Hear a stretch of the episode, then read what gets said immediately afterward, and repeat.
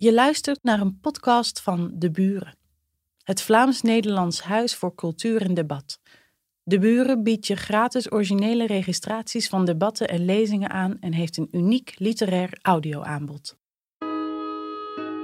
Ik weet, ik heb hetzelfde ervaring met mijn zoon gehad. Toen hij begon, dan begon ik met Barbies en weet ik veel wat. Nou, die Barbies, haar kop ging vanaf en dan vond je gewoon niet interessant. Ik dans stiekem in mijn eentje in de woonkamer als mijn ouders boodschappen doen. Ik beweeg als alle dieren. Ik oefen oeverloos en eindeloos. Ik ben man, vrouw, onbepaald, vogel, leeuw, stokstaart en everzwijn. Ik, ik ben dan zeg maar uh, een man, maar de laatste tijd uh, voel ik mij zo. Ja, hoe moet ik dat nu even uitleggen? Alsof mijn, uh, mijn interesses daar niet, niet helemaal bij, bij aansluiten. Dit is een registratie van Spelbrekers. De derde avond uit de vierdelige reeks filosofische gesprekken over spel in het leven. En dit is Fiep van Bodegom. Ik ben Fiep van Bodegom, schrijver, recensente redacteur en uh, moderator voor deze reeks vanuit Amsterdam. Fiep praat met intrigerende gasten over verschillende domeinen waarin spel belangrijk is of zou moeten zijn. Luister naar Spelbrekers. Cultuurhistoricus Johan Huizinga stelde met zijn concept van de Homo Ludens, of de spelende mens, uit het gelijknamige boek uit 1938, dat spel de basis is van onze cultuur. Dat is ook het uitgangspunt voor deze tweede serie gesprekken, waarin we verschillende domeinen, wiskunde, klimaat, gender en cultuur, onder de loep nemen. Vanavond is de gast feministe, beoefenaar van de godinnendans en directeur van Atria, Kautar Darmoni.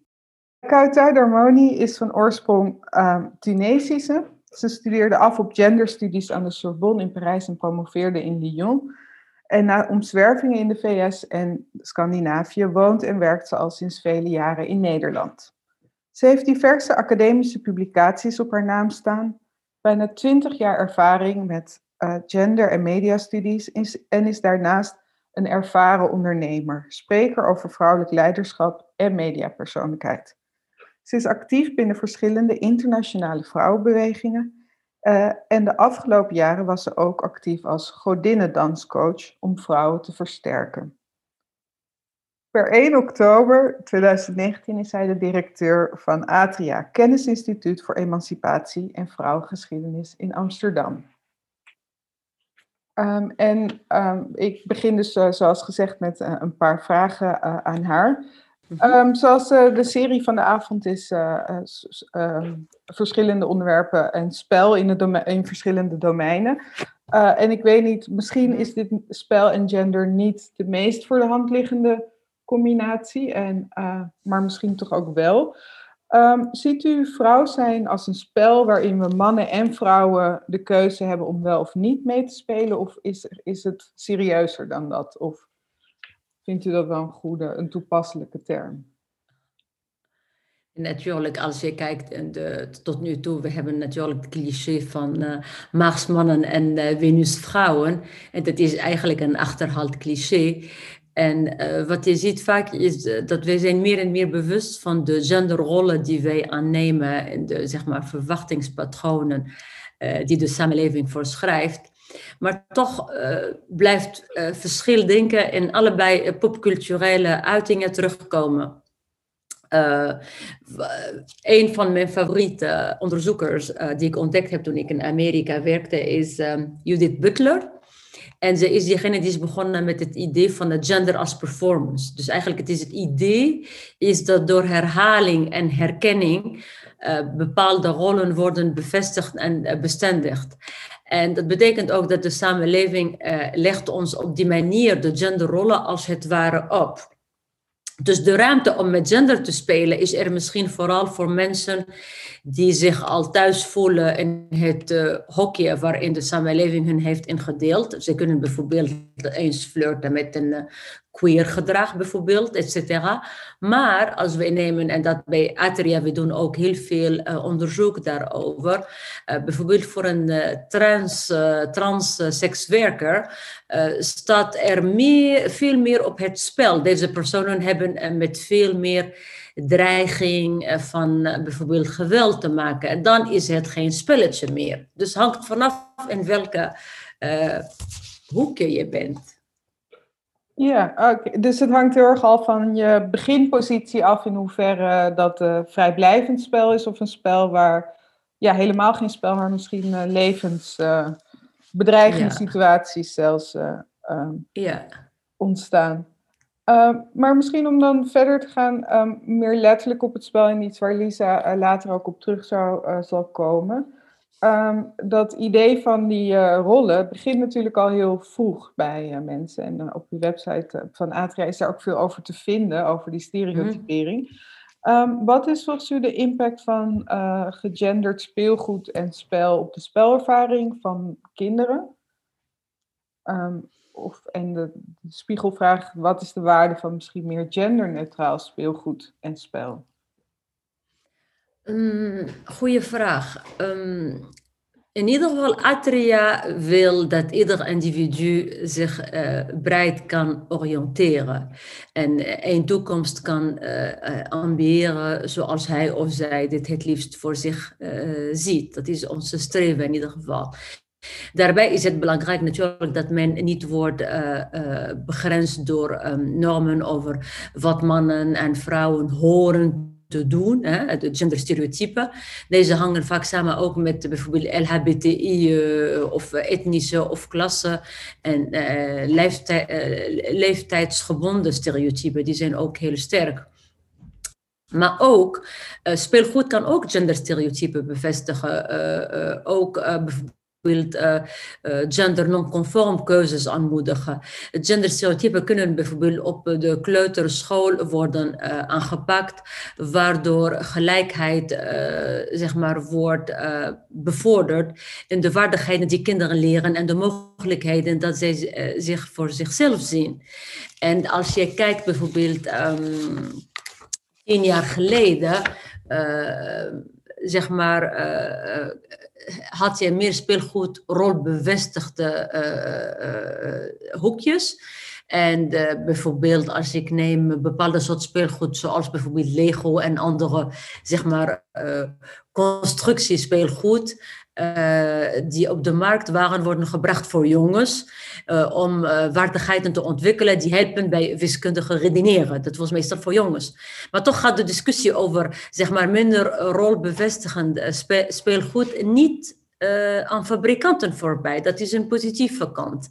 Dus er lijkt ook. Um, recente sprake te zijn van meer positieve ontwikkelingen op dit terrein. Bijvoorbeeld onze, in Nederland, onze minister van OCMW Onderwijs, Wetenschap en Cultuur van Engelshoeven gaf in 2019 al aan dat zij vond dat bijvoorbeeld speelgoedfabrikanten hun collecties onder de loep moesten nemen. Dus er komen ook signalen in Nederland bijvoorbeeld, maar ook in veel landen, zeker in Scandinavische landen, vanuit de politiek zelf, dat dat moet gewoon heel goed naar gekeken worden.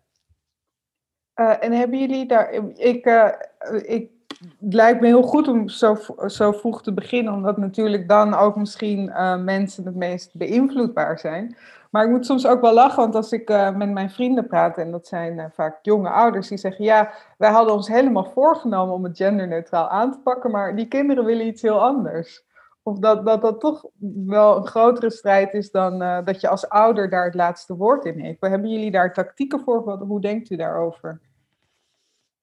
Ik weet, ik heb hetzelfde ervaring met mijn zoon gehad. Toen hij begon, begon ik met Barbies en weet ik veel wat. Nou, die Barbies, haar kop ging vanaf en dan vond je gewoon niet interessant. En dan, ik, ik dacht, terwijl ik echt zogenaamd genderneutraal, maar wat, ik, uh, wat je ziet ook vaak, dat zeg ik ook bij mijn eigen kind, is... Um, het is ook vrij algemeen bekend dat het besef van gender al vroeg in het leven van een kind dus eigenlijk, dat heb ik ook eh, ontdekt zelfs toen ik moeder geworden ben, rond drie jaar komt dat naar voren eigenlijk. Het is best vroeg. Dus het is ook duidelijk dat het besef van genderstereotypen ook al vroeg in het leven ontstaat. Het is zeker niet zo dat kinderen in een vacuüm spelen waarbij genderrollen uh, nog niet relevant zijn. Maar het begint best vroeg, ja. Dus ik, ik, ik, ik had diezelfde situatie ook als ouder. Maar ik denk nog steeds dat wij, zelfs ik, niet helemaal bewust zijn van de impact wat wij ook aan de kinderen doorgeven. En ehm, ja, dus dat is altijd zo'n uh, zo'n cirkel, net als met uh, taalverwerving of zo, dat je begint met een probleem ergens later in het leven en je eindigt altijd, ja, we moeten de kinderen anders uh, opvoeden. Of daar begint het. Um, ja. Dus eigenlijk voor die emancipatie van die kinderen heb je ook weer geëmancipeerde ouders nodig. Of dat, dat is natuurlijk een. Uh... Absoluut. Maar zelfs met geëmancipeerde ouders en die ouders die ook een beetje up-to-date zijn ook met de gender issues omdat bijvoorbeeld nu er is meer en meer informatie en besef over alles wat heeft te maken met LHBTI plus community. En daar kom je ook op een ander niveau. En bijvoorbeeld, we hebben ook meer nu bewust, we zijn meer bewust met de genderrollen, ook met de rol van intersectionality. Dan kom je nog op een ander niveau. Dus het is ook belangrijk, zoals met alles, dat je up-to-date blijft. Ja, um, misschien is dit een, uh, ook meteen een mooie brug naar de bijdrage van, uh, van Lisa. Uh, en die zal ik, ik zal haar eventjes goed introduceren. Um, zij hebben, zoals aangekondigd, een bijdrage speciaal voor vanavond. Uh, en Lisa is een Nederlands-Oekraïnse schrijver, literair programmamaker, scenarist, audiofan uh, en virtual reality regisseur. En voor haar geldt meer media, des te beter. Ze maakt een succesvolle virtual reality werk, Rosipne, als ik het goed uitspreek, dat het Oekraïense perspectief van de MH17-ramp exploreert en in wereldpremière ging op ITVA. En zoals waarschijnlijk al duidelijk is, staat uh, Oekraïne, het moederland van haar grootmoeder, centraal in haar werk, uh, in haar andere werk. Uh, en momenteel werkt ze aan haar debuutroman Alexandra, waarin het verhaal van diezelfde grootmoeder centraal staat. En volgend jaar al zal verschijnen bij de Weesgevij, waar iedereen heel erg naar uitkijkt. Um, en behalve dat uh, ze al, van alle media thuis is ze ook een van de best gehumeurde schrijvers die ik ken. Uh, hier is het woord aan Lisa Weda. Dankjewel. Ik moest meteen lachen om de Barbie zonder hoofd. Dat was een fantastisch beeld. Dus alvast bedankt. Goed, daar komt ie. Um, het jaar dat ik uit de kast kom, ben ik 15 jaar oud. Voor mij is dat moment een eindpunt, een climax, een bevrijding eigenlijk. Voor anderen is dat punt een motorisch moment, een soort van het startschot van een zoektocht. Wat is de route die zij af kunnen leggen richting mijn zogezegde nieuwe identiteit? Een vriend van mijn ouders doet een duit in het zakje uh, een paar dagen na mijn kennisgeving en hij zegt het volgende tegen mijn moeder lesbisch, maar dat wisten jullie toch al lang. Ik bedoel, Lisa speelde altijd met Lego en auto's en ze hing in bomen en ze voetbalt. Het voor mij, ja, uh, die, die uitspraak is een soort van iets wat het neutraal lijkende speelgoed, of wat ik in ieder geval altijd als neutraal heb beschouwd. Dat neutraal lijkende speelgoed en de spellen uit mijn jeugd zijn opeens voor mij onlosmakelijk verbonden met mijn geaardheid. Mijn identiteit is blijkbaar te ontleden als een set van onderdelen. Onderdeel X is de keuze voor specifiek speelgoed en specifieke vormen van spel. Dus vanavond op deze, wat voor mij in ieder geval nog steeds een vreemde gedachtekonkel is, terugkijkend lees ik voor jullie uh, het spel- en speelgoed autopsierapport van mijn identiteit. De Barbie, 1994. Voor mijn vijfde verjaardag doet mijn tante Anna me een Barbie cadeau. Ik neem de doos in mijn handen, schud er even voorzichtig mee, draai het zijlings, zodat ik door dat plastic raampje van die mooie roze kartonnen doos kan kijken. En ik zie dat ik inderdaad alleen haar hoofd eraf kan halen en haar armen en benen kan bewegen. En ik geef de Barbie terug. Heel eerlijk zeg ik, hier ga ik niet mee spelen, bedankt. Niet wetende dat een Barbie een godsvermogen kost, dus dat het uh, heel erg is om dat niet aan te nemen. The Lion King, de CD 1995. Ik playback alle stemmen van alle karakters uit het Lion King lied Als ik later koning ben.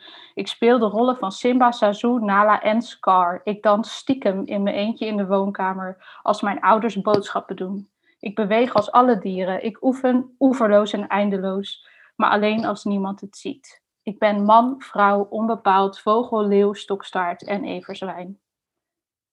Voetbal. 1997. De basisschooljongens stoppen briefjes in mijn lade waarop staat dat ze op me zijn. Ze zijn op me omdat ik doe wat zij doen. Voetballen, slidings maken, anderen aan hun mouw naar de grond trekken, tegen ze aanbeuken zonder bang te zijn en mijn jas scheuren. Ze zijn op me omdat ik te begrijpen ben. een van hen, tegenover de anderen, de meisjes die blijkbaar niet te begrijpen zijn. Tamagotchi, 1997. Ik hoop dat iedereen weet wat een Tamagotchi is. Um, Google hem anders even, dan heb je een leuke avond.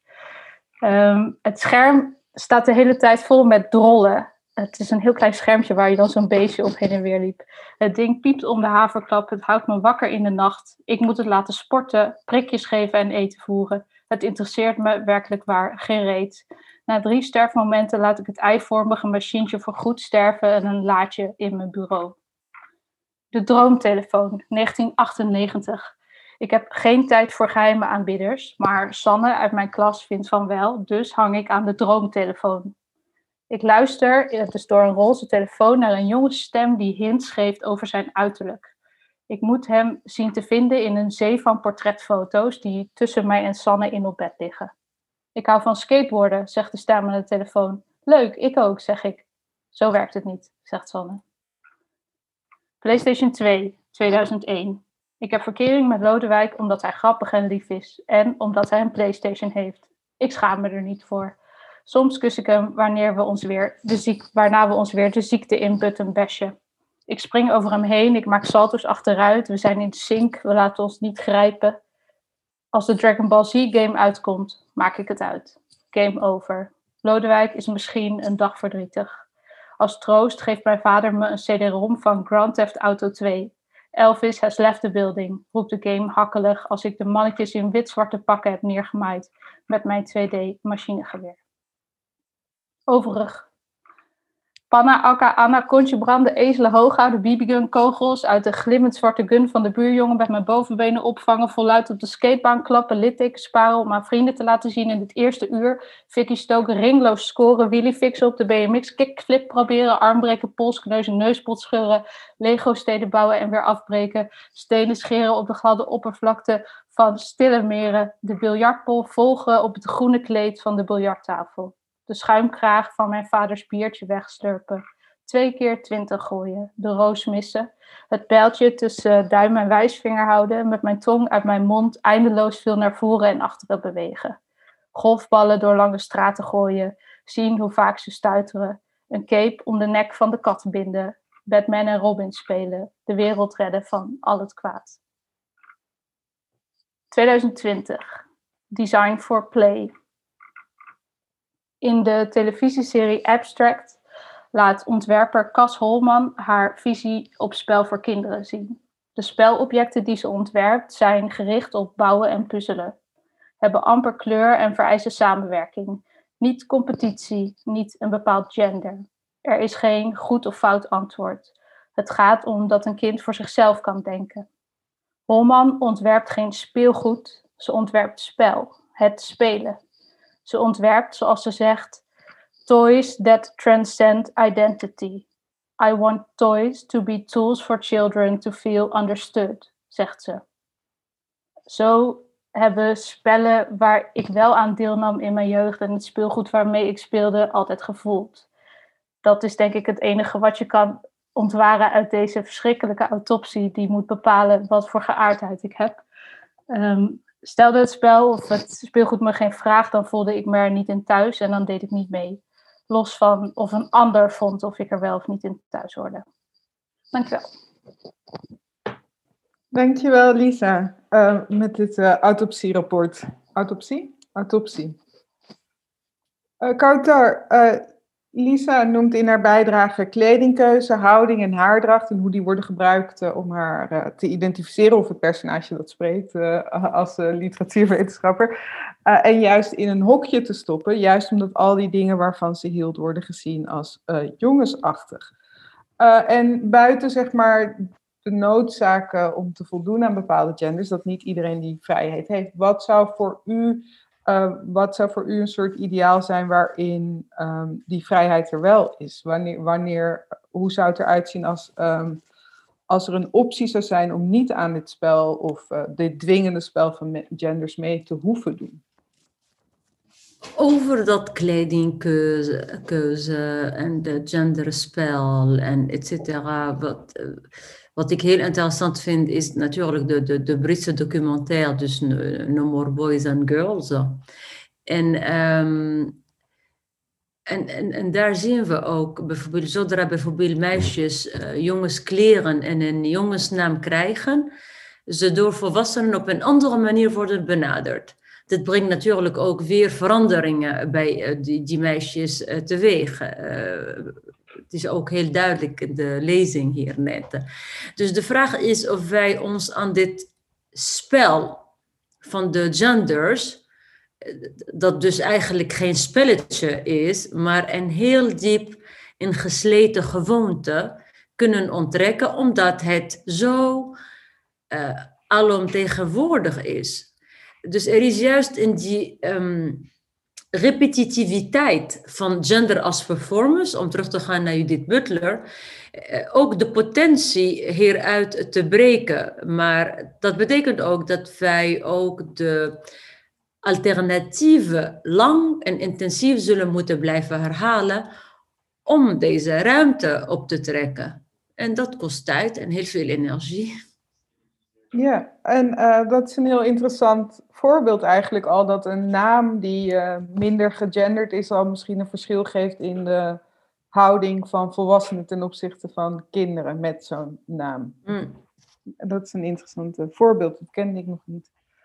Um, misschien om uh, ook andere, nu, nu we u toch hier hebben, ook andere aspecten over gender aan te kaarten. Ik las gisteren in Trouw. Um, een stuk van de familiesociologe dokter Katja Begal, of Begal. Uh, en zij vertelde over um, het idee dat de Nederlandse huishoudens steeds uh, conservatiever worden qua uh, verdeling van zorgtaken. Zelfs al willen ze dat niet of denken ze dat niet te willen. Dat zijn natuurlijk moeilijke dingen om te onderscheiden. Ja. En wat ze zegt ehm, is dat um, we zijn verdraagzamer geworden, maar niet op het gebied van de verdeling van zorgtaken. Uh, en ook op Atria heb ik gezien, dat is iets natuurlijk wat al vanaf het begin van de pandemie gerapporteerd uh, wordt qua werkverdeling, zorgverdeling, maar ook niet te ontkomen aan uh, psychische druk en dingen als huiselijk geweld bijvoorbeeld. Mm -hmm. Denkt u dat dat een, ja, dit is een hele grote vraag, maar een tijdelijke trend is? Of is dat iets wat, wat eigenlijk al wel langer bezig is? Dat, we hebben de neiging om te denken dat dingen steeds progressiever worden, maar is dat misschien helemaal niet het geval als het om genderrolverdeling gaat. Wij maken inderdaad bij ATRE heel veel onderzoek eh, daarover, ook voor de pandemie trouwens. En het is inderdaad een bekend fenomeen dat er in tijden, je ziet het ook een patroon van crisis, uh, wordt teruggegrepen op traditionele rollen. Dat mensen zoeken zekerheid, en dan ja, dus dat is een patroon die gewoon standaard is. Dus de klok kan zo weer 50 jaar worden teruggezet als je niet uitkijkt. Bij Atria, we, we signaleren ook in, eigen, in onze eigen onderzoeken echter dat vaders ook meer zijn gaan zorgen tijdens de pandemie. Dus weliswaar nog steeds minder dan moeders, bon, c'est comme ça. Maar bon, uh, er is ook een, ook een positieve ontwikkeling. Hè? Dus het is belangrijk ook deze positieve ontwikkelingen zichtbaar te maken. Maar uh, en même moment, je die conservatieve neiging laat ook zien dat de aandacht voor gendergelijkheid en emancipatie niet moet, niet moet verslappen. Dat zien we ook, alsof dat niet nu de allerbelangrijkste prioriteit en issue op dit moment. Uh, het heeft dus onze uh, blijvende aandacht nodig. En dit is ook een boodschap die wij uh, bij Atria aan beleidsmakers blijven herhalen, keer op keer. Jongens, blijft alert. Gender is meer relevant dan ooit. Ja, mooi. Ja, en een van de dingen die ik ook bij, bij, als resultaat van onderzoek van Atria zag, was dat Tweederde van de mensen in vitale beroepen is vrouw, maar bijna geen van de beleidsmakers die tijdens de pandemie beslissingen nemen over ons allemaal is vrouw. Dus een hele, hele scheve verdelingen in dat soort hele simpele. Ja, absoluut, absoluut. Ja. Mooi. Um, uh, uh, om te, ook uh, te verschuiven naar uw um, eigen werk. We hadden, ik noemde al de godinnendans. Een van de dingen die u voorstaat is uh, ook vrouwen meer gebruik maken van een vorm van vrouwelijkheid. Kunt u daar meer over vertellen? Alors, de godinnendans, het is iets die ik uh, geërfd heb van mijn uh, female lineage. Ik kom oorspronkelijk uit Afrika, Noord-Afrika, Tunesië. En dit is een, een heel oude dansritueel, heet in het Arabisch Raqsat al-Ilahat, de dans van de godinnen. Dat is bijna 4000 jaar oud ritueel, waar vrouwen onder elkaar dansen om die verschillende vormen van vrouwelijkheid gewoon in hun lijf te voelen. Want er is geen één vrouwelijk, het is een vrouwelijkheden. En een idee dat jij als vrouw dat in je eigen lijf voelt op jouw eigen unieke manier. En um, als, hij, als dit uh, gaat koppelen aan mijn werk ook als academica en wetenschapper in gender studies, dan traditioneel zien we dat mannelijke eigenschappen worden overgewaardeerd en vrouwelijke eigenschappen ondergewaardeerd. En het is mijn missie persoonlijk dat de samenleving waarden die wij als vrouwelijk zien weer gaat waarderen. Dus de afgelopen eeuw hebben vrouwen zich geprobeerd los te maken van eh, zeg maar beknellende rolpatronen. Uh, daarmee zie je soms ook dat wij een beetje bang zijn geworden voor het vrouwelijke en de waarden die wij als vrouwelijk zien. Ah, de vrouwen doen dat zelf ook. Hè? Dus, laat alleen, dus als je dat als vrouw niet omarmt, hoe wil je dat de man zijn ook vrouwelijke kwaliteit en vrouwelijke kant ook gaat ontdekken of, of ontwikkelen of waarderen. Dus hoe kunnen we deze toch uh, recht doen zonder, dat is ook heel belangrijk, een beperkende stereotypen te bevestigen. Dus denk, ik denk dat heel veel mensen er naar uh, zeg maar snakken en, en, en, en dit willen onderzoeken. En ik gebruik zelf onder andere die dans, omdat dan kan elke vrouw op individueel niveau haar zeg maar draai geven aan die waarden, omdat het is iets heel persoonlijks, individueel, dat jij in je eigen lijf voelt en niemand gaat dat op jou zeg maar plakken. Het is puur individueel. Mm uh, ja, dus ik, ik vroeg me af, want ik had uh, u, um, uh, sinds u eh, directeur bent van Atria, u was al lang aanwezig in de media, maar zijn er nog meer interviews verschenen? en ik vroeg me af, hoe, hoe ik had de indruk, botsen deze ideeën wel eens met wat Nederlanders over zichzelf denken of over vrouwen? Of, kunt u iets zeggen over deze misschien botsing van ideeën? ik, ben, ik ben gewend aan botsen. Omdat ik, toen ik in Tunesië was, ik was, ik was zeven toen ik, toen ik, ik dacht, er klopt iets hier niet. Omdat thuis is het een heel sterke, ook, je ziet het ook in veel Afrikaanse en Latijns-Amerikaanse culturen. Binnen huis, het is best een heel sterke matriarchale cultuur. Eigenlijk de vrouw is de baas. Zie je ook bijvoorbeeld in Nederland, zie ik dat vaak ook in uh, Surinaamse bijvoorbeeld culturen. Of in, die vrouwen zijn heel, hebt een matriarchale macht, maar die is binnen huis het moment dat je buiten gaat naar de publieke ruimte, dan worden de rollen omgedraaid. Dan worden de vrouwen onderdanig en dit is een ruimte die gedomineerd door de mannen. Mijn oma zei altijd thuis, eh, thuis koningin, uh, buiten slavin. Dus dat vond ik al een rare verhouding. Soort, waarom moet dat zo? Waarom ben je daar zo sterk en daar zo onderdanig? En dat begon de botsing toen, toen ik zeven was. Dus ik ben gewend aan botsing. Nederland is mijn vijfde land. Dus ik kijk altijd vanuit een andere perspectief. En wat ik... Um, gender ook in, in, in de westerse cultuur, en als ik kijk naar de Nederlandse context, is heel erg ook een, een, mentale, intellectuele constructie geworden, die niet per se in contact met de lijf. En wat ik denk hier, als wij spreken over intersectionality en waar kunnen culturen elkaar beïnvloeden, ik denk heel veel niet-westerse culturen, de lichamelijke culturen, de fysicaliteit, de body capital, is meer ontwikkeld of meer sterk. Eh, zeker bijvoorbeeld als we kijken naar Calvinistische cultuur, waar de relatie tot eigen lichaam is altijd met spanning en met soort van een bijna een oorloggebied. Je bent een oorlog tegen je lijf. Je moet, jouw lijf moet onderdanig zijn aan je kop. Dus je hebt altijd die strijd tussen lijf en, en hoofd. In andere culturen heb je dat niet zo erg. En ik denk als we praten over intersectionality, dit is iets wat we kunnen misschien leren ook van andere culturen, waar de emotional capital en de body capital is meer aanwezig en in alignment en in tune met dat intellectual capital. En dan kom je ook naar andere manieren en, en, en andere, andere gevoelens dan bijvoorbeeld dan als je dat, bijvoorbeeld wat ik vaak zie in Nederland, vrouwen worden vaak um, geschokt. Omdat ik vond het heel raar toen ik naar Nederland kwam, waarom bijna twee derde van de vrouwen zijn economisch afhankelijk. Dus ze zijn niet onafhankelijk. Dat vond ik een beetje raar. En waarom twee derde van de vrouwen in Nederland werken parttime? En ik ging bijzonder voor Odela praten en het bijzonder met moeders. En dan heel veel van de vrouwen willen natuurlijk, die moeders is belangrijk, vind, begrijp ik ook, maar die discrepantie tussen de idealen en de manier van denken voor de moederschap en na de moederschap is zo enorm. Het is bijna een soort van een, een opposite.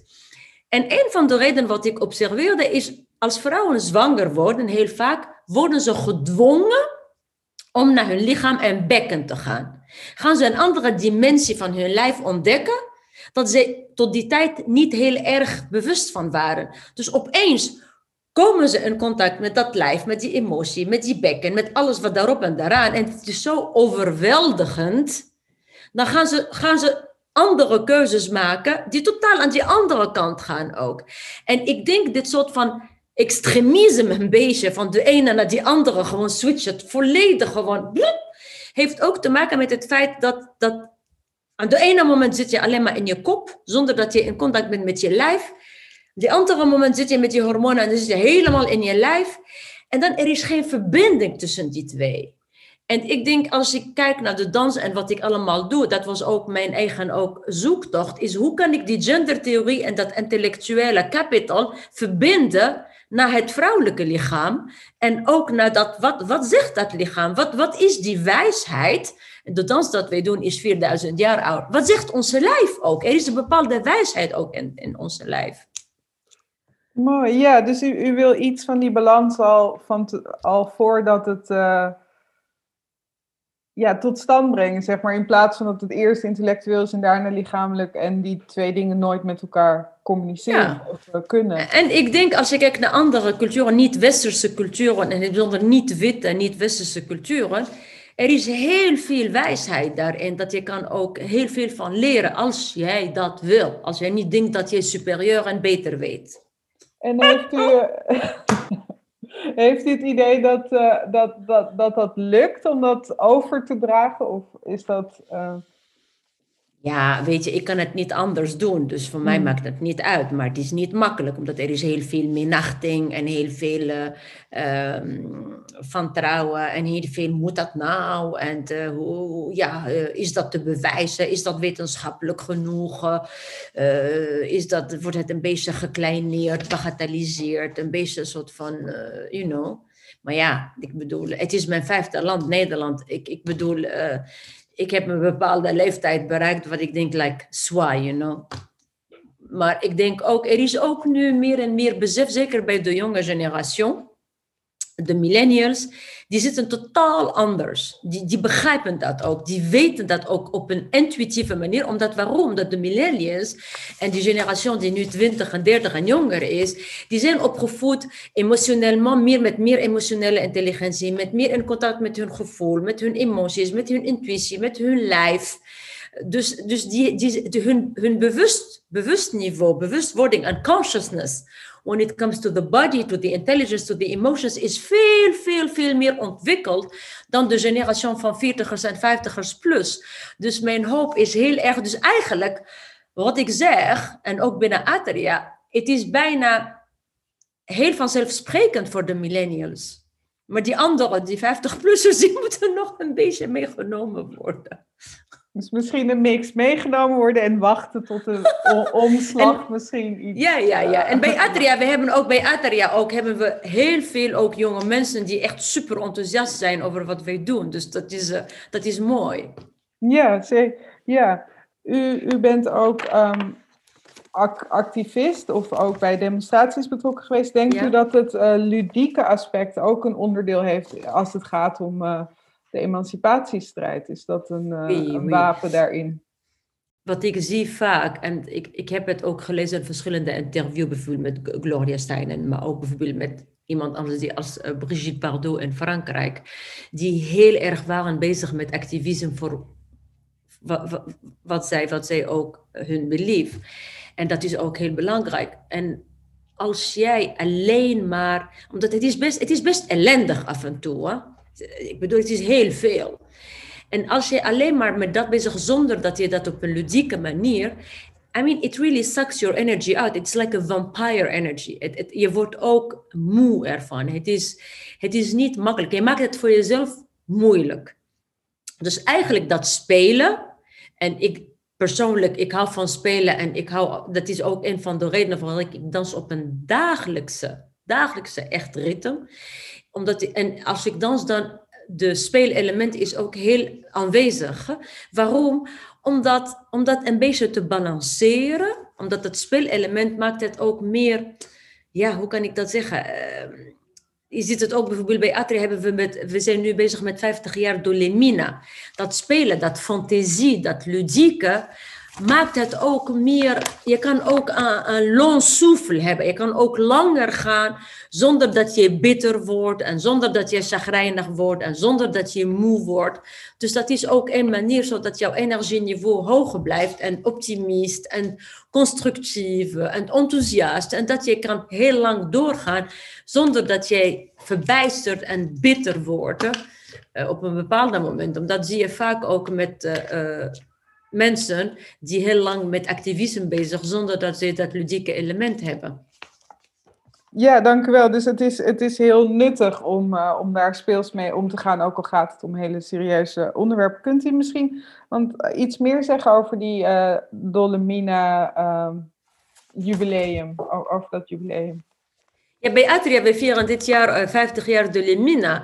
En wat is mooi is dat je ziet dat Dolemina in hun tijd al, die waren heel eh, eh, progressief natuurlijk. Maar de manier waarop, ik bedoel, het is nu soms, eh, mensen maken bijvoorbeeld opmerkingen, omdat ik als directeur van Atria ben ik ook aan het dansen. En dat is allemaal, het is allemaal zo serieus. Maar dan denk ik, Jezus, als je kijkt wat Dolemina deed in- de jaren 50 al, met, met, met ludiek en met spelen en met, eh, met eh, dat, dat, dat is geweldig. En dan, waarom kunnen we niet in de, zeg maar, spirit van de Dolemina hetzelfde doen.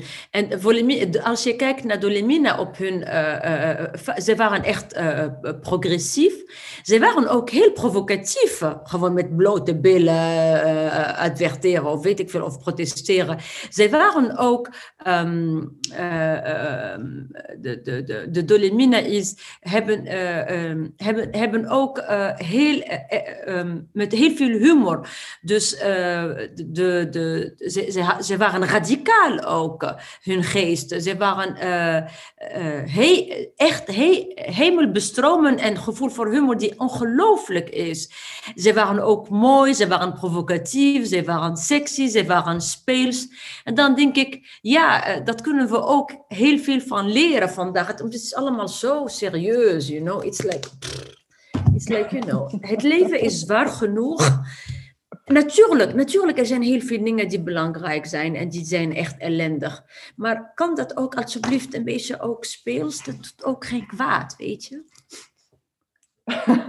Dankjewel. Ik denk dat dit een hele, hele goede boodschap is eh, om mee te eindigen. En ook mooi om te zien dat die speelsheid niet iets nieuws is, maar dat we ook al een hele feministische geschiedenis hebben waarin dat met succes eh, is ingezet. En waar we nog steeds met eh, bewondering naar kunnen kijken eh, en om lachen ook, eh, hopelijk eh, af en toe. Ja. Ehm, heel erg bedankt ehm, eh, voor, voor dit gesprek. Ehm, Merci. ja, ik ga nog een algemene afsluiting doen, maar ik, ik ga eerst de slot, het slot van deze avond, de slotbijdrage aankondigen. En dat is met, ehm even kijken, even een papier erbij pakken. Een bijdrage van beeldend kunstenaar, grafisch ontwerper en schrijver Betu Sevika en schrijver en dichter Nicole van den Berg. Eh, en zij kregen als duo tijdens de thuisresidentie van de Verwonderkamer een samenwerking tussen de buren en Explore the North. Eh, en dat, is, dat laatste is een literair productiehuis eh, en festival in Leeuwarden. De opdracht het onvoorstelbare voorstelbaar te maken. Nou, ga er maar aan staan. Bete en Nicole deden dat door vragen voor de klantenservice van God zakelijke antwoorden te geven op grote levensvragen. Volgens mij heb ik deze hele zin verhapseld, maar het wordt zo duidelijk. Dus vandaag een speciale editie met grote vragen over gender. Ik geef het woord aan Beto Sevica en Nicole van den Berg.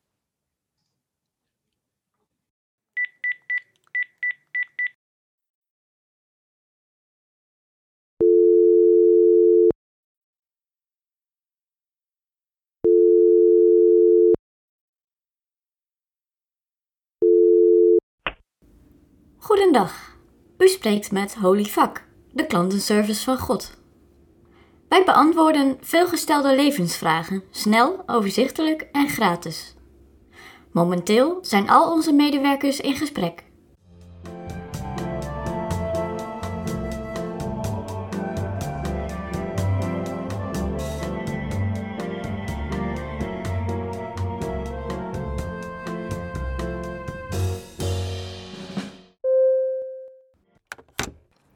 Goedenavond, Holyfuck. U spreekt met Lilith. Wat kan ik voor u betekenen? Ja, uh, goedendag. Um, ja, ik, ik, heb, uh, ik bel met een vraag. Uh, ja, misschien een beetje een rare vraag. Hoe zeg ik dat even uh, helder? Ik, ik ben dan zeg maar een man. Gewoon een doorsnee man, denk ik. Maar de laatste tijd voel ik mij zo... Ja, hoe moet ik dat nu even uitleggen? Alsof mijn ehm, mijn interesses daar niet, niet helemaal bij, uh, bij aansluiten. Oh ja, meneer, ik, ik hoor wat u zegt, maar kunt u iets concreter zijn? Want de Almachtige heeft het ontzettend druk op het moment. Nou ja, ik, ik hou dan bijvoorbeeld van um, ja, broekanten. Ja, gewoon van die uh, off-white, sierlijke, stijgerhouten hebben dingetjes, weet u wel. En uh, ja, dan ga ik naar van die marktjes. Hebben ze ook vaak servies, prachtig servies. Maar ja, die, die andere mannen daar, nou die dragen de tassen, uh, weet je, van hun vriendin. Die, uh, ja, die moeten mee. En uh, ja, dan sta ik daar en dan grap ik ook maar wat. Van ja, ze wilde weer, daar gaat mijn geld, Maar ja, ondertussen, ik, ik wil naar die kraampjes, ik wil die serviezen. En ik, nou ja, ik ga dan toch twijfelen of ik niet... ik voel me dan gewoon niet heel mannelijk, snap je? Maar ik, ik, ben gewoon een man en ik val ook op vrouwen, denk ik. Dus ik, ja, ik vroeg me af wat, uh, nou ja, wat, wat hij uh, daarvan denkt, de Almachtige, over die, uh, die marktjes en de brokanten. Ja, ik begrijp uw vraag, meneer. Um, heeft u toevallig uw schepsel service nummer bij de hand, zoals hij u tijdens het wachten al heeft opgedragen? ja, ja ik, ik heb het nummer. Want uh, over een paar seconden uh, begint toevallig het webinar. Plaats u zelf op het genderspectrum in vijf simpele stappen. Ik verbind u onmiddellijk door. Uh, maar ja, wacht even, is dat, is dat nu direct? Want ik, ik heb nog een boodschap te doen. De kosten bedragen 80 matses per minuut. Wij hopen u zo voldoende te hebben geïnformeerd. God zij met u. Dankjewel, dankjewel um, Betel Sevica en Nicole van den Berg. Ik wil voor vanavond alle sprekers bedanken. Natuurlijk allereerst Kota Dermoni. Heel veel dank voor haar komst en tijd. Uh, Lisa Weda voor de prachtige bijdrage. En Peter Sevka en Nicole van den Berg. Een hele fijne avond en hopelijk tot volgende week. In de volgende Spelbrekers podcast van de Buren gaat Fiep van Bodegom in gesprek met de Ierse schrijver Michael Foley over het belang van plezier maken. Ga naar deburen.eu voor meer over spelbrekers. Je luisterde naar een podcast van De Buren, het Vlaams-Nederlands Huis voor Cultuur en Debat. Benieuwd naar ons literaire aanbod? Luister dan ook naar radioboeken, citybooks en andere audioverhalen. Ontdek ons podiumprogramma en al onze digitale producties op www.deburen.eu.